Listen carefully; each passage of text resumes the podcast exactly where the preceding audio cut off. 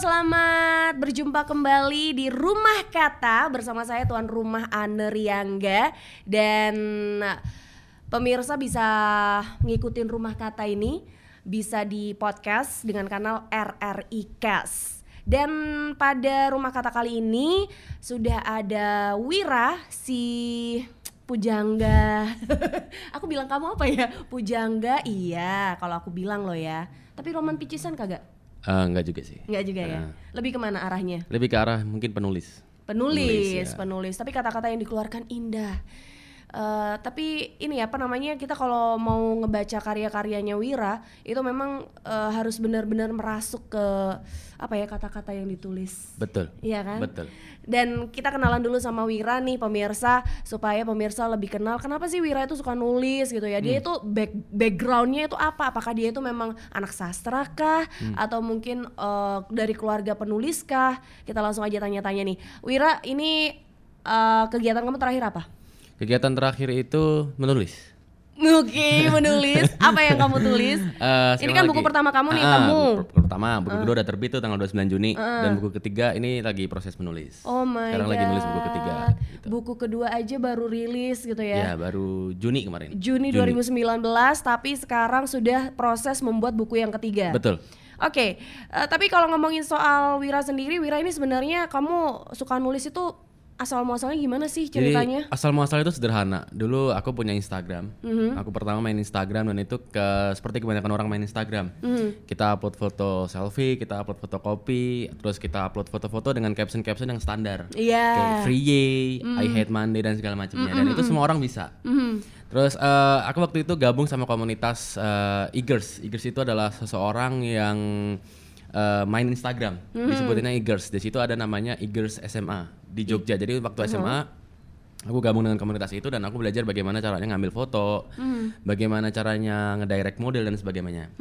Hingga hingga tiba pada waktu itu aku ngerasa aku butuh sesuatu yang beda untuk membedakan diriku dengan dengan yang lainnya. Oke. Karena untuk bersaing di dalam eh, dunia digital katakanlah Instagram Hmm. itu kan kita kalau nggak punya selling point yang berbeda kita bakalan kalah juga. Hmm. Akhirnya pada waktu itu terciptalah terjebak rindu sebagai penikmat karya minimalis dibalut sajak tipis-tipis. Kenapa sih terjebak rindu? Karena eh, nggak tahu tiba-tiba keluar aja terjebak rindu dan aku pengen nge-branding sebagai pria yang melankolis selalu galau dan selalu sedih di Instagramnya kayak gitu. Dan eh, awalnya dari situ dari caption, caption, caption, eh, nulis, nulis, nulis, nulis, nulis dari situ dan akhirnya eh, berkeinginan untuk punya buku dan pengennya awalnya punya punya buku itu diterbitkan secara indie atau self publishing. Nah waktu itu udah nulis sampai 95 halaman eh, A4 gitu kan. Tiba-tiba dari penerbit yang eh, mayor nge-email, ngajak ngajak eh, nulis secara profesional katanya. Penerbitnya gitu. nggak main-main loh. Oke, terus Dari situ langsung di langsung aku iyain segala macam, proses revisi segala macam terbit. Gitu doang. tapi memang background eh bukan background, basicnya itu am- kamu tuh kayaknya banci tampil ya di IG kamu gitu ya. Jadi IG-mu tuh bagus banget, rapi banget gitu ya. Nggak cuma fotonya gitu ya.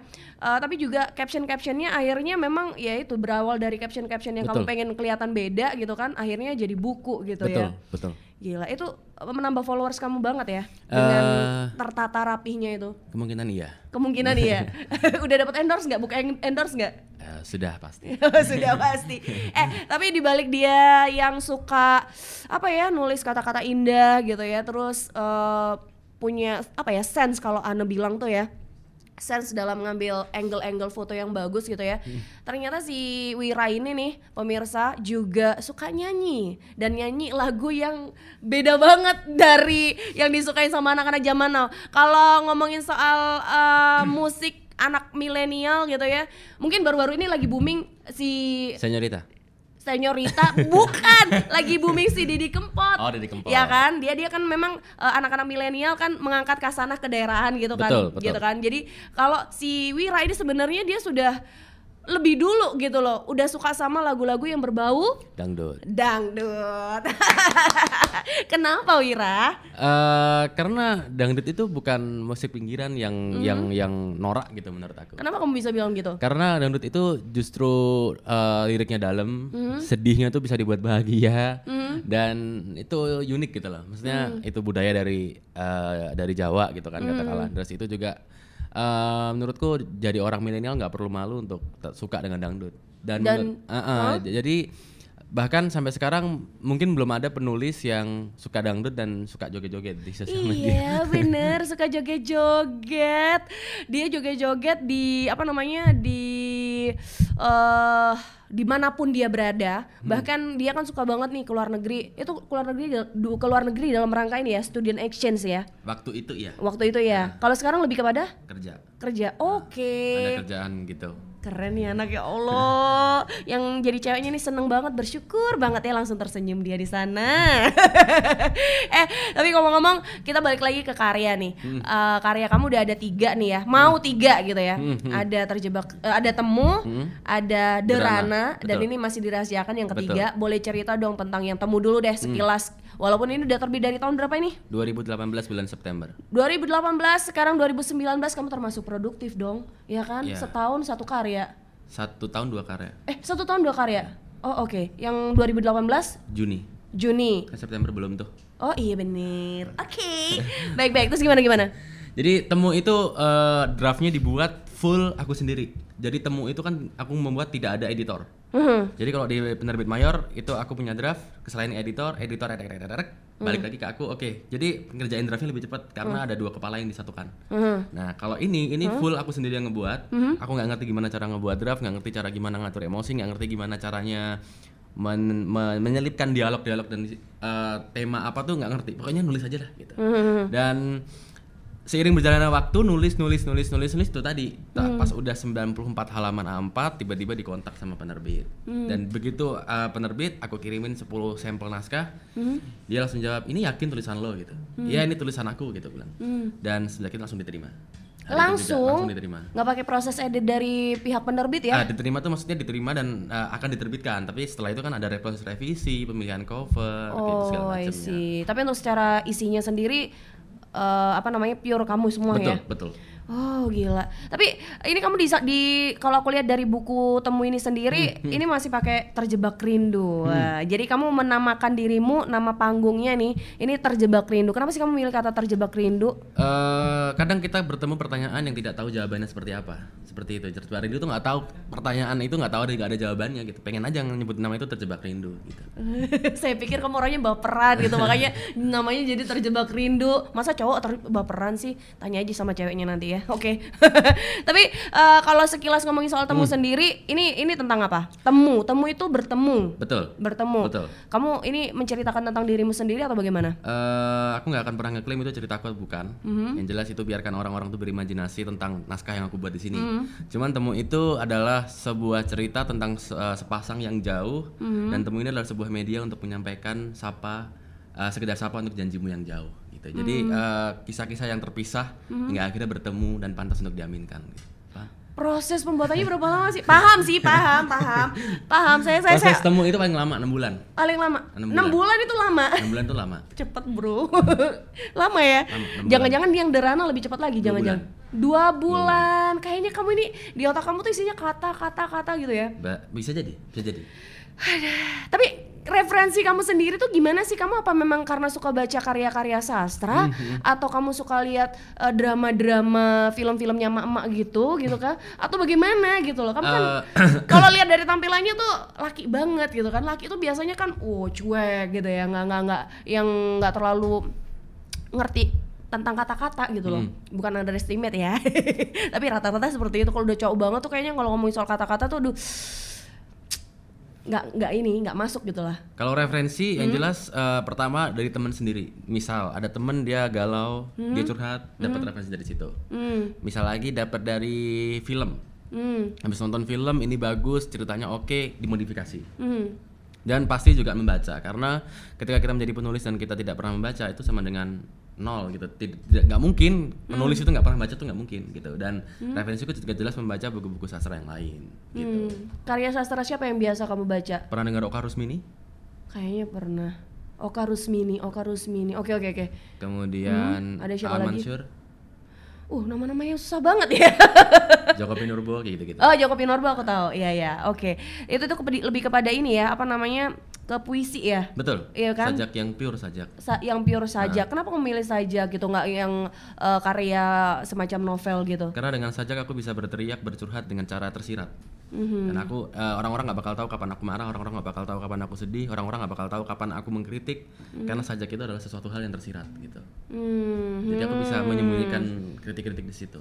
menyembunyikan kritik-kritik di situ. Nggak takut nih kesampaian. Maksudnya nggak tersampaikan kepada yang baca gitu kan? Eh, Kalau orang curhat, marah ataupun ada keluh kesah di dalam diri itu kan pengennya orang lain tahu gitu. Tolong dong ngerti ngerti gue gitu kan. Jangan jangan gini jangan gitu misalnya kayak gitu. Tapi gimana kamu mau nyampein kalau semama kamu menyampaikannya dengan sajak? Takutnya takutnya nggak nggak ngerti gitu ya kalau orang awam gitu.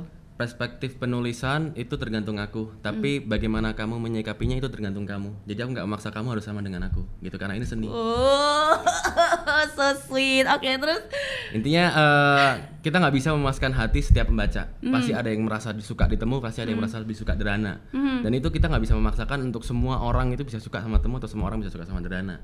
Itu kembali lagi ke kamu mau suka atau enggak. Yang penting aku sudah eh, menulis dan setiap tulisan pasti punya pembacanya masing-masing. Mhm.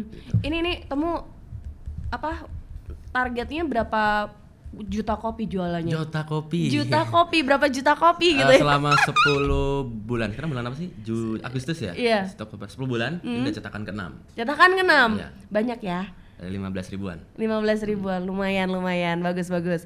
Eh, tapi kamu kalau dari buku sendiri ini, selain kamu memang pengen mencurahkan ada yang apa kata-kata di buku gitu ya, ada nggak sih kamu kepikiran, eh ini emang ladang ladang aku buat cari duit nih? Hmm.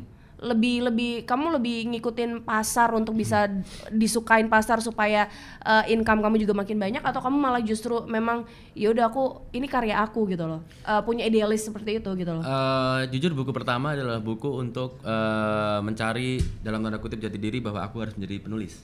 Buku kedua aku terbitkan karena aku butuh duit. Jujur sekali kakak ini. Begitu buku ketiga dan seterusnya. Karena eh, idealisme dan pasar adalah dua hal yang sama-sama tidak bisa dipilihkan dan tidak bisa dipilih dan tidak bisa disingkirkan satu sama lain. Di bagaimana eh, kenapa nggak kita menjual idealisme kita agar disukai pasar? Mikirnya gitu. Kenapa kita tidak menjual idealisme kita, agar disukai pasar. agar disukai pasar?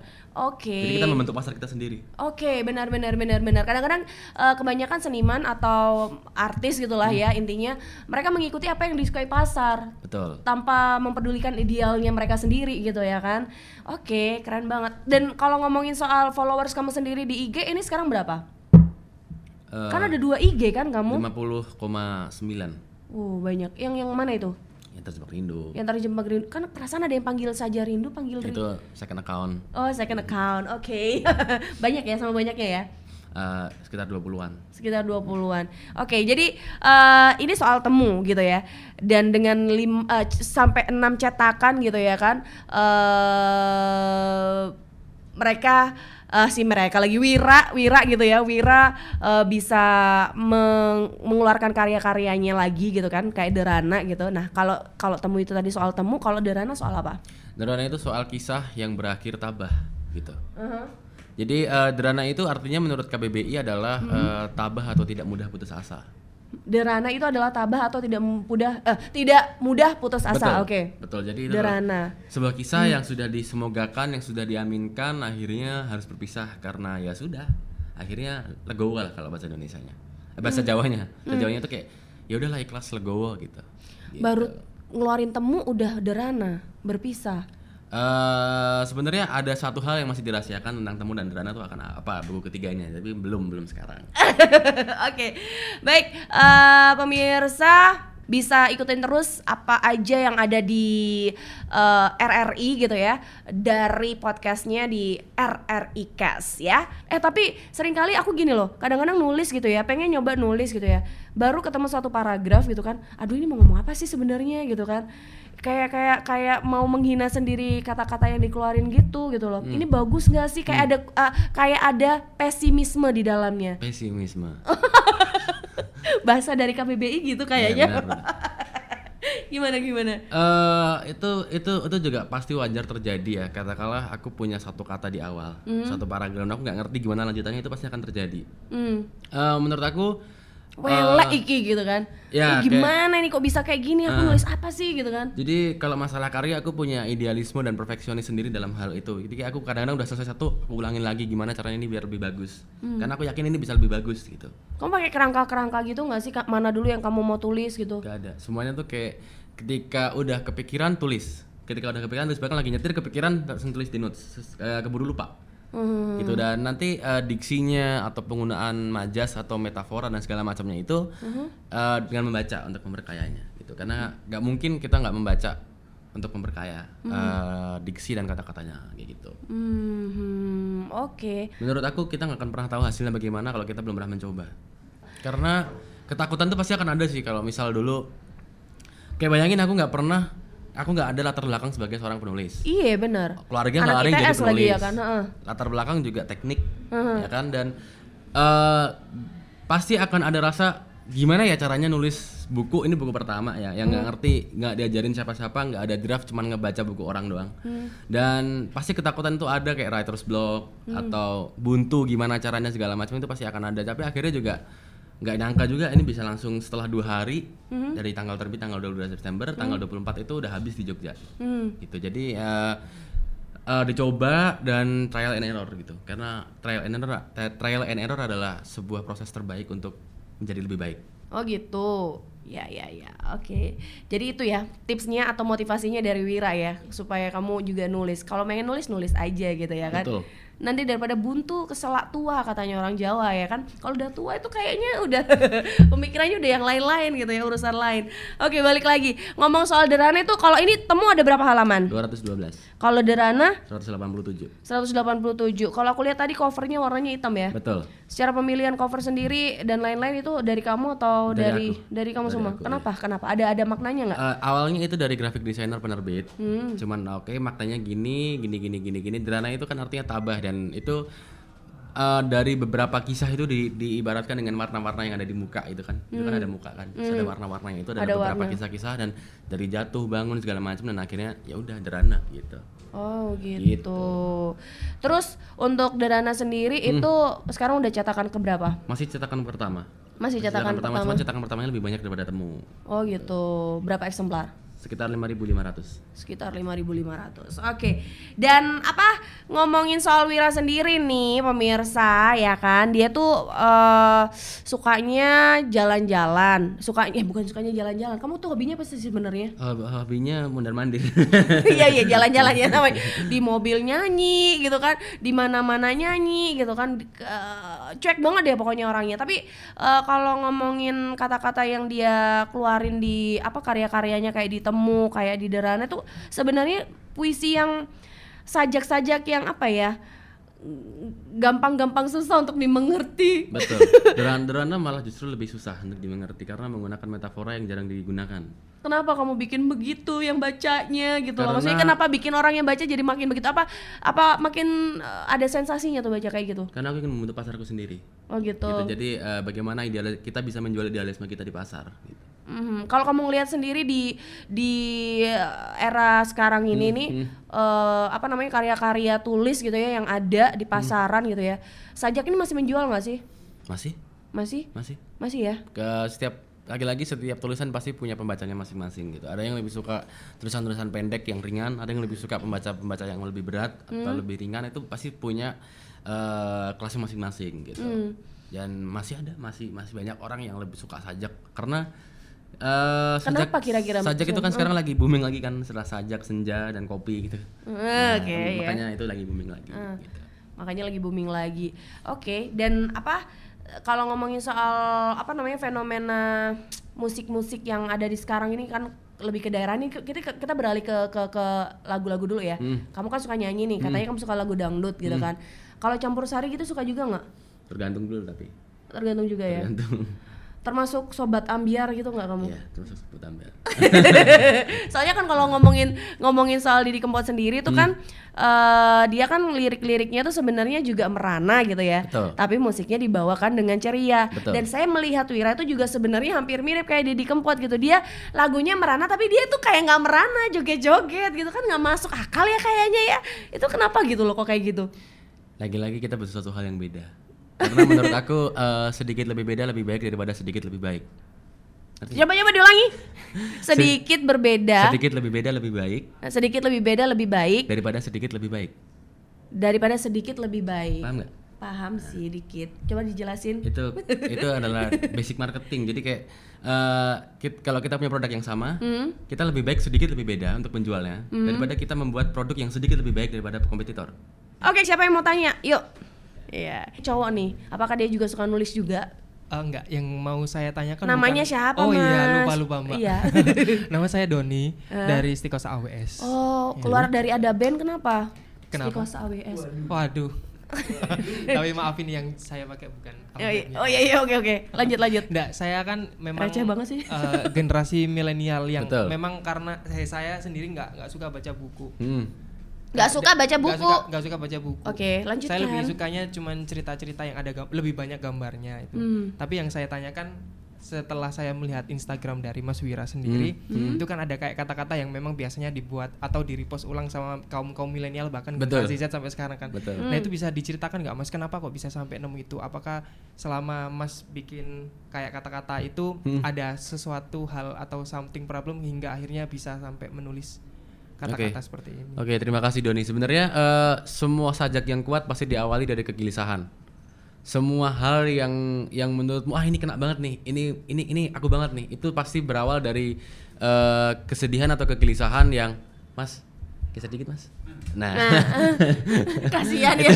itu pasti berawal dari kegelisahan dan eh, kesedihan. Entah itu misal eh, ada punya temen nih, punya teman cerita gimana nih aku jarang di chat atau aku tiba-tiba dia cuek banget, sibuk nge-game atau apa. Itu jadi "Ah, ini cocok nih, ini cocok nih. Karena mungkin dia itu nggak mampu ngungkapin.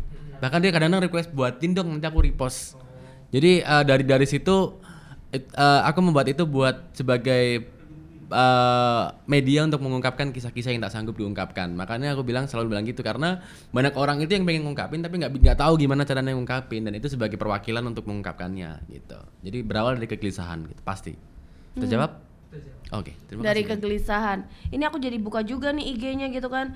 Eh, ketika dia mempromokan si Derana. Tapi kalau aku ngelihat dari kata-kata yang apa yang muncul di setiap kamu nulis di caption di IG kamu, di di di di karya-karya kamu, itu kadang hari iki ngomongin iki tentang apa ya? Maksudnya eh, anak ini bisa ngomong kayak gini nih dapat inspirasinya dari mana? Kayaknya banyak banget inspirasi yang kamu dapat. Seperti yang kamu tadi bilang eh, ada yang dapat dari teman gitu ya ada yang dari baca gitu. Kamu pernah nggak ngerasa buntu kehabisan inspirasi gitu? Sering. sering. Sering. terus apa yang kamu lakuin ya baca baca ya ini apa Berhenti dengerin- menulis. berhenti menulis Berhenti menulis. vakumnya Karena menulis itu bukan pekerjaan fisik, dia pekerjaan otak. Dan ketika otak lagi sedang capek atau otak lagi nggak pengen buat mikir ya udah nggak usah dipaksain. Tapi eh, itu akan dengan sendirinya akan kembali lagi gitu loh, dengan dengan kembali kembali mengingat dengan tujuan kenapa aku harus menulis gitu. Hmm, Oke, jadi eh, pemirsa yang pengen ngikutin terus rumah kata, pengen dengerin rumah kata kali ini edisi bareng Wira si terjebak rindu ini eh, yang udah ngeluarin dua buku mau ketiga gitu ya, ada temu sama derana buku keduanya. Sa- pemirsa bisa apa ya stay tune di podcast di RRI Cast, oke? eh Oke, nanti ada pertanyaan. Tapi sebelumnya aku mau mau mau lihat dulu di Instagramnya Wira nih ya. Dia bilang eh, waktu dia ketika promo Derana gitu ya buku keduanya dia bilang ini adalah anak keduaku namanya Derana. Ditulis dengan hati-hati selama kurang lebih dua bulan penuh tersusun dari serangkai huruf-huruf mati yang diundang untuk mengeja nama aslimu kalau kakaknya temu itu putih, dia udah pergi untuk menunaikan peluknya di beberapa negara. Sedangkan Derana, Singapura adalah negara pertama yang ia datangi. Pun begitu, aku berusaha sebaik-baiknya untuk tidak membeda-bedakan temu dan Derana. Keduanya sama-sama anak yang lahir dari duduk berjam-jam di depan laptop, puluhan cangkir kopi dan belasan revisi. Kalau aku sayang sama mereka, janji ya, kamu juga harus sayang sama mereka. Nanti aku sayang balik deh, mau? Keren kan? Jadi kayak promonya tuh modelnya ya itulah beda. Makanya tuh kalau kalau kalau ngomongin soal Wira tuh kompleksnya di situ tuh. Dia dia pinter banget mainin kata-kata gitu ya, bikin ini ini berlaku juga buat cewek kamu nggak? Dia termasuk orang yang jadi ter apa ya melting gara-gara Nggak pernah. Nggak pernah. Karena udah tahu aslinya bagaimana kan. Aslinya malah nggak nggak nggak roman eh, nggak romansa romansa banget, nggak ro- romantis romantis banget kayak gitu. Romantis perlu tapi sewajarnya lah. Sewajarnya Karena aja. apa pun yang berlebihan kan tidak baik.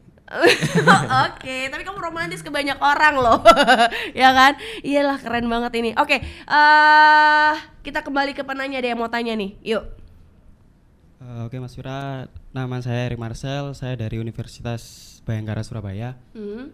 Eh, saya mau tanya, kebanyakan dari penulis eh, kan sudah menuliskan beberapa naskah dan diterbitkannya sudah beberapa kali ya. Hmm. Terus cara Mas Fira sendiri buat menanggapi ada beberapa buku yang eh, bajakan yang seperti kemarin saya pernah lihat di postingannya Mas Fira. Itu cara buat nanggapi biar nggak terjadi seperti itu lagi itu seperti apa? Kan kalau jadi penulis sedangkan karya yang kita buat sendiri eh, disalahgunakan atau apa dengan orang lain kan rasanya kayak gimana gitu. Betul. Jadi eh, tanggapan dari Mas Fira sendiri seperti apa? Terima kasih. Terima kasih. Marcel ya tadi namanya. Oh Erik. Marcel Erik. dari mana sih? Iya. Iya, aku juga dengernya Marcel loh. Iya, dengarnya Marcel loh. Marcel satunya Michelle, Iya. ya kan? Kok kok- kebetulan gitu ya kan? Eh, kalau ngomongin di dunia literasi, kita nggak akan jujur itu ti- mungkin tidak akan pernah selesai dan tidak akan pernah terhindar dari Eh, tapi bentar deh, bentar, bentar, sorry. Aku baru denger ini loh ada buku bajakan. Banyak kan buku bajakan. Oh, serius? Jalan Semarang. Oh, I see. Oke, balik. Saya baru tahu.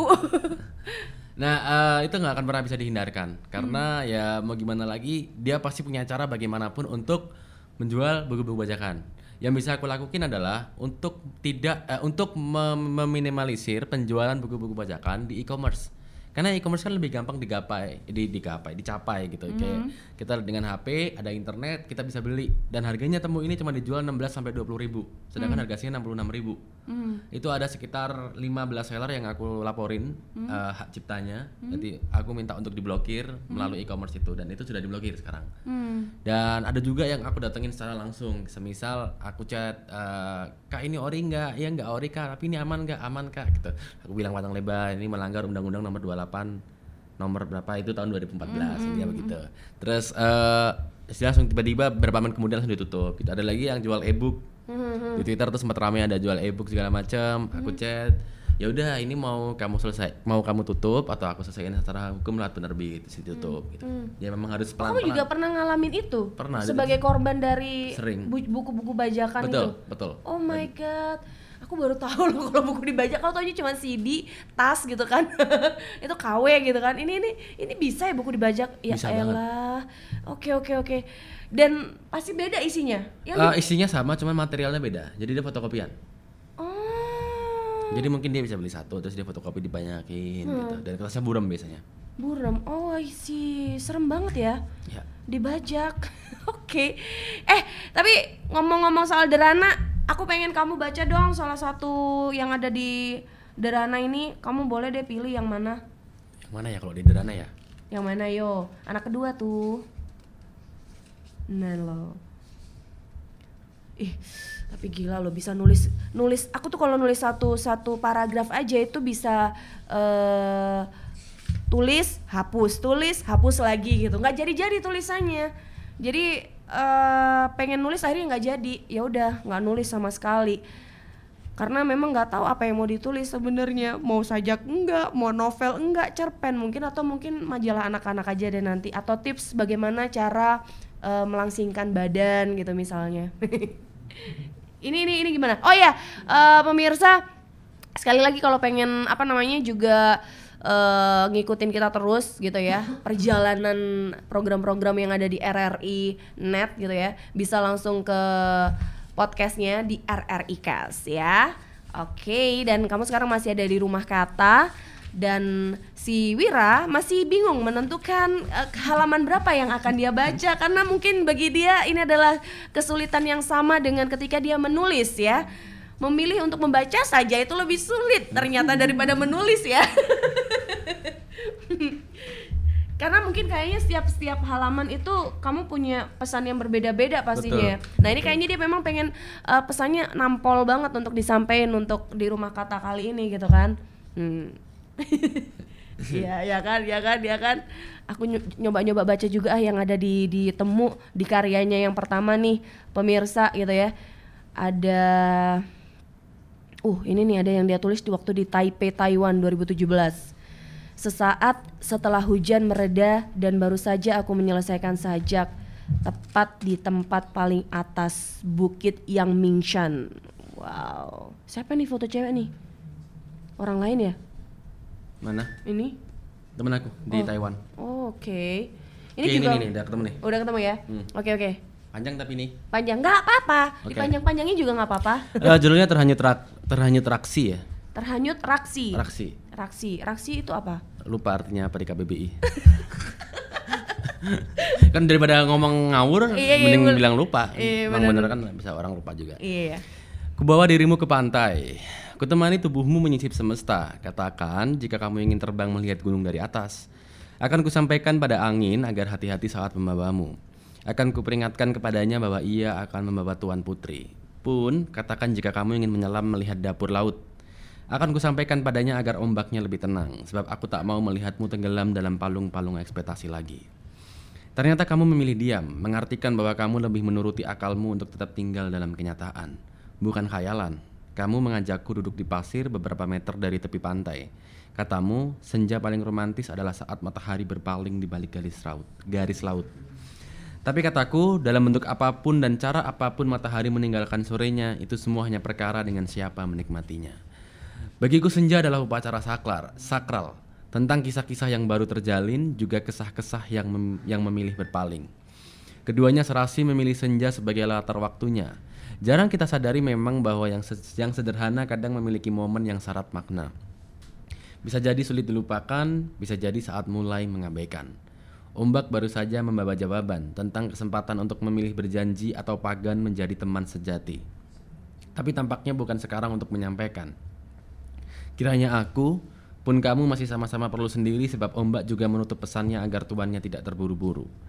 Kita memandang langit yang sama, menatap matahari yang sama, juga duduk di pasir yang sama. Tapi perihal bagaimana kita esok biar semesta yang beraksara. Aku menuruti asmarannya, juga segala yang terbaik menurutnya. Surya tenggelam bersama segala fata morgana khayalanku.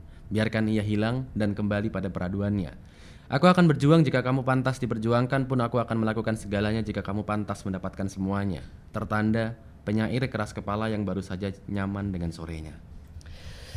Wah, saya ini kayak Wira kamu kok bisa gitu amat sih Wira nulis kata-kata Gak ngerti. nggak ngerti A- jadi kayak gini loh kayak kayak kita kalau mau dengerin dia ngomong eh, dia bacain aja gitu ya kata-katanya tuh udah ya ampun romantis banget sih tapi nggak nggak terlalu susah-susah amat juga sih dimengerti kayak kalau misalnya kalau ngomongin soal novel nih ya kayak Dewi Lestari itu kan terlalu banyak aduh bintang langit kesatria kan banyak banget eh, apa ya hal-hal yang harus kita Ada di sini sebenarnya.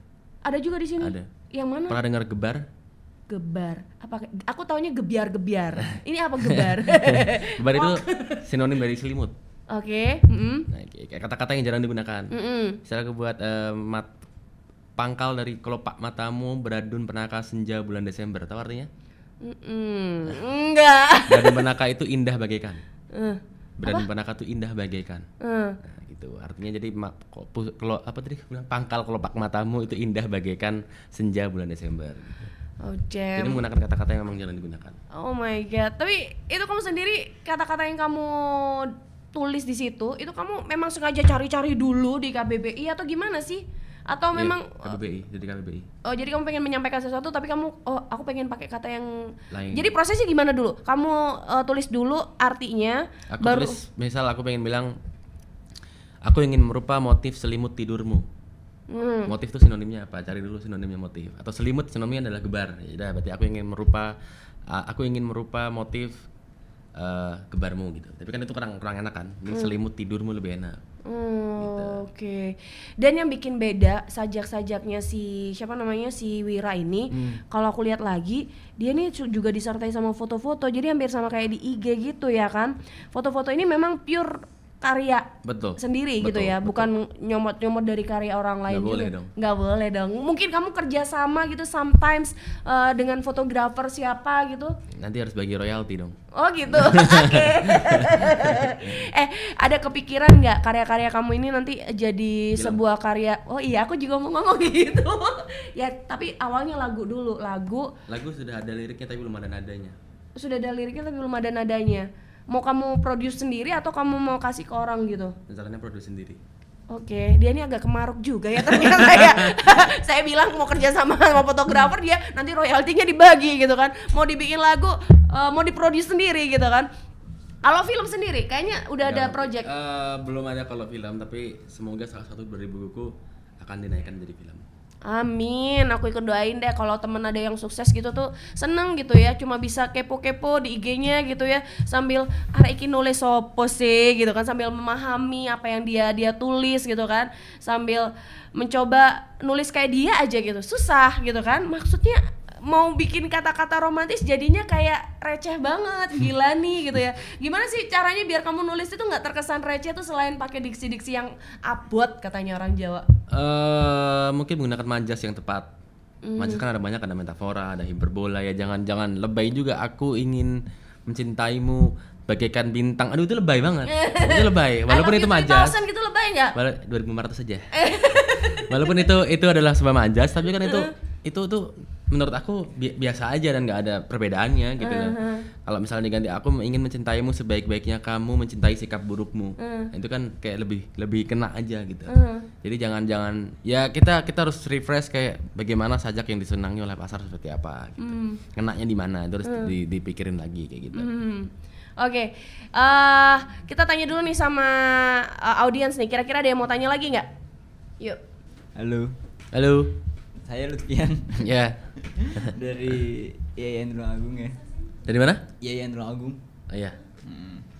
Eh, yang pengen ditanyain sebenarnya apa ya? Sebenarnya cuman lebih ke arah sekarang kan udah banyak kayak eh, apa namanya yang kata-kata di Instagram segala macam segala macam kayak yang sama kayak Mas Wira ini kan. Betul. Udah banyak banget dan sebenarnya cuma pengen nanya awalnya gimana sih awalnya awalnya mulai karena kan gini banyak orang-orang kayak misalkan kan tadi kan tadi gue bilang sajak itu bakalan lebih eh, apa namanya lebih indah dibuat kalau misalkan eh, sama-sama suasana, suasana suasana hati Betul. yang sekarang ini. Betul. ya kan yang ketika misalkan suasana hati kita sedang melankoli sedang mellow kita nulis di Instagram nah apa kata teman nanti wah alay lu segala macem ya kan Oh iya. untuk awal mem- membentuk Oh, Netizen maha benar ya kan? membentuk apa namanya biar nggak Nggak di- stigma orang-orang tidak membentuk gitu. stigma bahwa kamu pria yang lemah gitu. ya gitu kan se- Biar se- tidak secara di- gitu kan sama-sama sepelekan. pria gitu kan Waduh. Kamu pria. Oke, dipertanyakan. Itu dulu juga aku alami kok. Dulu Apa? waktu 2015 16 Iya. itu aku dicap sebagai apa sih? Bucin banget. nah ya Serius digituin Eh, apa sih eh, lemah banget atau apaan sih cowok kayak gini gitu. Itu pasti akan ada. Iya. Cuman eh, seiring berjalannya waktu eh, akhirnya mereka mengerti bahwa itu bukan aku, itu adalah terjebak rindu, bukan Mira Sakti. Paham nggak maksudnya? iya, iya. Jadi ada sesuatu hal yang dibedakan antara aku dengan Instagramku, antara aku dengan brandingku. Itu kan akhirnya itu diangkat menjadi sebagai sebuah citra diri atau personal branding yang aku tentukan bahwa yang memang aku adalah seorang pria melankolis yang harus mampu menyampaikan kisah-kisah yang tak sanggup diungkapkan pada saat itu. Jadi ya bodo amat mau mereka bilang apa mah yang penting eh, aku gimana caranya nge- ngejual idealismeku ini ke pasar gitu. Jadi ya bodo amat. Intinya Bomat ya, in- harus intinya bomat. intinya adalah eh, anggapan buruk orang lain terhadapmu adalah masalah mereka, sedang bagaimana kamu menanggapinya adalah masalahmu. Hmm. oke Paham nggak? paham paham paham, paham. Oke. Yakin paham? yakin paham Karena Yakin kalau mau memahami dia tuh kayak harus diulangi sampai lima kali atau tiga kali, eh, sepuluh kali gitu ya, biar Iya, iya. paham. Paham, ya? paham paham paham paham banget makasih ya Ya. Oke, pakai banget dong. Ada lagi nggak yang mau tanya? Yuk. Sindut, ayo tanya dong. Sama-sama gendut kita tos dari jauh, tos. Oke. yuk, yuk. Ayo. Oke deh, eh perkenalkan nama saya Koni Koni. dari Koni Koni. Koni. Heeh, dari Yai Lapangan ya kan makanya. Yayan Tulung Agung. Sama juga dari itu. Eh, sebenarnya bedanya mereka berdua yang udah nanya dari mereka nggak suka nulis, aku dulu sempat suka nulis dan sempat menang bukannya sombong ya. Ih, Pernah enggak, enggak, enggak. Kelihatan menang- dari perutmu kok. Oh iya. Iya. sempat menang beberapa penulisan cerpen dan esai ketika SMP eh, SMA dulu. Cuma entah sekarang tuh jadi terhenti, jadi kayak kok jadi males gitu. Yang kamu tulis apa? Sajak atau Eh, novel atau lebih ke gimana? se- senangnya lebih ke cerpen sih Ke sama cerpen. esai. Hmm. Nah, itu mungkin apa ya buat gimana sih dari dari Mas Wira ini memotivasi teman-teman yang sempat nulis dulu sempat nulis dan sempat Vakumnya eh, lama, vakum gitu tidur ya. mati suri gitu ya kan? Eh, Iya sih, itu aja. Oke. Oke, Eh, terima kasih Koni. Jadi menulis itu ibarat membangun sebuah usaha. Kita harus punya visi dan misi. Ibaratnya kita nggak punya tujuan ya kalau udah males, kita nggak punya alasan lagi untuk memulai. Tujuannya untuk apa? Nulis. Dulu tuh nggak nggak niat buat diperlombakan ya, karena Hmm. mungkin kebetulan ada eh, perlombaan dan itu saya masukin dan itu alhamdulillah menang gitu. Hmm, Dan kemudian setelah lulus SMA ya terhenti itu loh karena mungkin banyak kegiatan di kuliah. Sekarang mau nulis lagi atau gimana?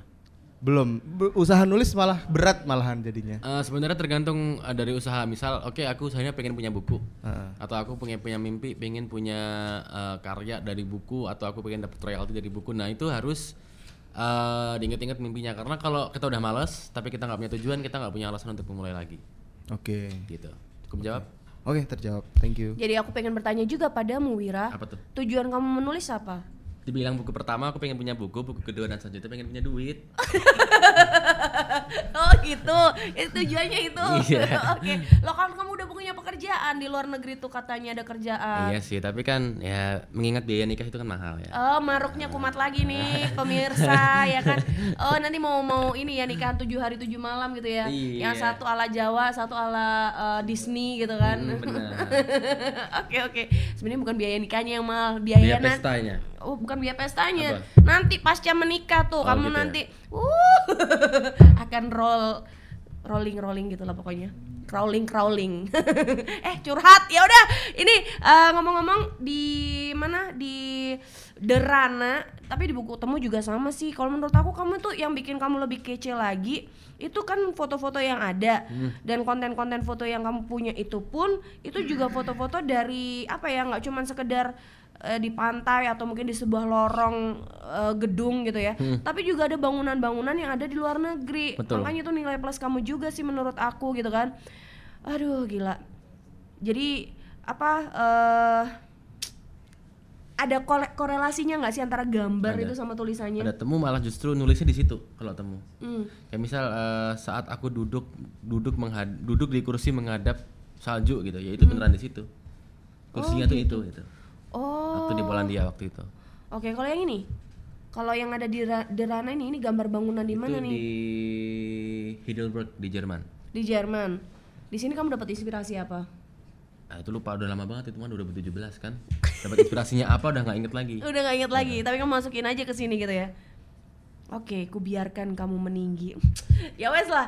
Tapi ada rencana apa nih selain nulis buku buku ketiga? Kamu kan gawe gawe kamu banyak juga gitu kan. Fotografer iya, gitu kan, nulis buku iya. Kerjaan di luar negeri nih yang aku nggak tahu nih apa, kamu belum cerita gitu kan. Tapi support orang tua selalu ada ya. Pasti. Dan orang tua juga sudah membebaskan gitu. Pokoknya aku nggak mau kerja kantoran. Oh gitu. Sebenarnya dulu disuruh paksa kerja kantoran. Enggak juga sih. Enggak juga. Semenjak kuliah tuh udah bebas mungkin karena udah sering ke sana ke sini ke sana ke sini terus kan ada yang di rumah juga. Hmm? Jadi selalu pergi terus dan ya udah jadi ya udah serah gitu. Oh gitu. Ya adalah pokoknya kamu bertanggung jawab ya. Betul. Juga tanggung jawab sama anaknya orang ya. Mm. Iya oke. Jadi gimana gimana? Target berikutnya ini apa? Target berikutnya adalah yang jelas harus terbit nih buku ketiga ya kan. Hmm. Setelah buku ketiga nanti buku-buku selanjutnya juga harus terbit. Hmm? Dan pengen eh, bermusik tapi nggak tahu kapan. Tapi yang jelas sudah ada liriknya cuma tinggal Hmm. Jadi bikin vokalisnya atau jadi apanya? nadanya. Ya, kalau bisa jadi vokalisnya kenapa enggak gitu. Oh gitu ya. Jadi frontman gitu ya. Iya. Ya, oke. Ini ada pertanyaan nih. Apa tuh? Gimana sih menurut kamu rumah kata gitu? Itu itu pertanyaan itu udah. Iya, Oh, apa- apa- bakar panjang.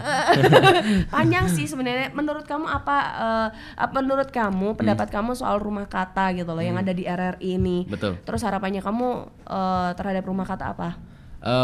Pendapat aku tentang rumah kata itu bagus karena mengangkat hal-hal yang anak muda banget. Hmm. Kayak misal eh, sekarang penulis atau mungkin besok apa. Kemarin juga sempat ngangkat penulis kan yang beberapa minggu lalu ya. Ada Fadel juga, Nah, ya kan? Ada jadi- beberapa eh, puja, apa pujangga juga pernah datang ke sini. Pujangga. Pujangga. Bahasa aku terlalu tua ya. Jadi- aku dong bahasa kekiniannya pujangga. Apa yo? Pe- Penulis. Penulis aja ya, itu penulis ya. Penulis itu kan banyak eh, apa namanya? Eh, universal nulis nulis cerpen iya, nulis eh, artikel di koran di majalah iya, ayo. Ya, Iya juga sih. nggak aku aja lebay. Oke, terus lanjut. Eh, terus harapan ke depannya juga eh, mm, eh, harus ada banyak dalam tanda kutip tokoh-tokoh milenial yang diundang di sini gitu dan ke depannya semoga eh, apa namanya ini RRI podcast ya Ah, ya RRI Cast. RRI Cast Iya, ya RRI Cast tuh bisa dikenal nggak cuman lokal aja kan di Surabaya tapi bisa sampai nasional gitu Mm, amin, amin, amin, amin, amin. Nanti kalau diundang lagi mau ya? Mau ya? Mau. Jangan jangan nolak-nolak, kamu. jangan jual mahal nanti kamu makin tenar makin jual mahal lagi gitu kan? Iya wes lah. Oke, ada yang mau tanya lagi nih terakhir nih? Udah, itu di pojokan sana. Nggak mau tanya. ya udah, jadi eh, pemirsa kalau ngomongin soal karya gitu ya kan itu harus dicoba dulu. Harus berani-berani apa ya berani-beraninya kita untuk mencoba menulis aja gitu. Nanti eh, kalau nggak nggak nggak tuh kayak Michelle tadi gitu kan ya dia kayak pengen nulis tapi nggak nggak nggak tahu gitu takut dan segala macam hal-hal yang bikin takut tuh udah dihilangin aja gitu udah nulis aja gitu. Kayaknya gampang ya sepele ya tapi susah untuk dilakukan. Susah, untuk gampang ya? Dilakukan. tujuan tujuan. Kembali tanya ke dia- ya, tujuan. Tujuan dia pengen menemukan jati diri di buku pertama di buku kedua nyari duit. Buku Betul. ketiga juga gitu gitu kan. Tujuannya harus diperjelas ya. Harus punya target ya. Betul, harus punya punya target. target. Kalau kamu nggak punya target ya udah melempem gitu deh nggak jadi nulis. Jadi memang harus nemuin passionnya memang nulis apa enggak dan kebetulan Wira ini eh, ini apa? Passion itu menurut aku adalah ketika kamu melakukannya Hmm. kamu kesulitan tapi kamu tetap melakukannya oh itu itu, passion.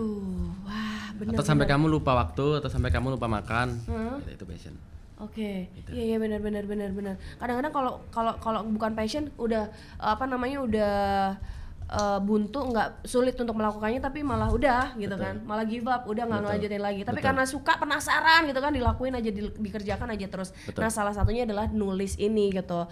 Jadi eh, di rumah kata ini juga pengen gitu kan ya ada penulis-penulis lain gitu ya anak-anak muda yang juga punya karakter banget gitu kayak Wira gitu kan eh Wira tapi ngomong-ngomong eh kegiatan kamu pure sekarang cuma nulis ya Eh, iya menulis mondar mandir gitu-gitu doang. Enak banget sih kerjanya dia.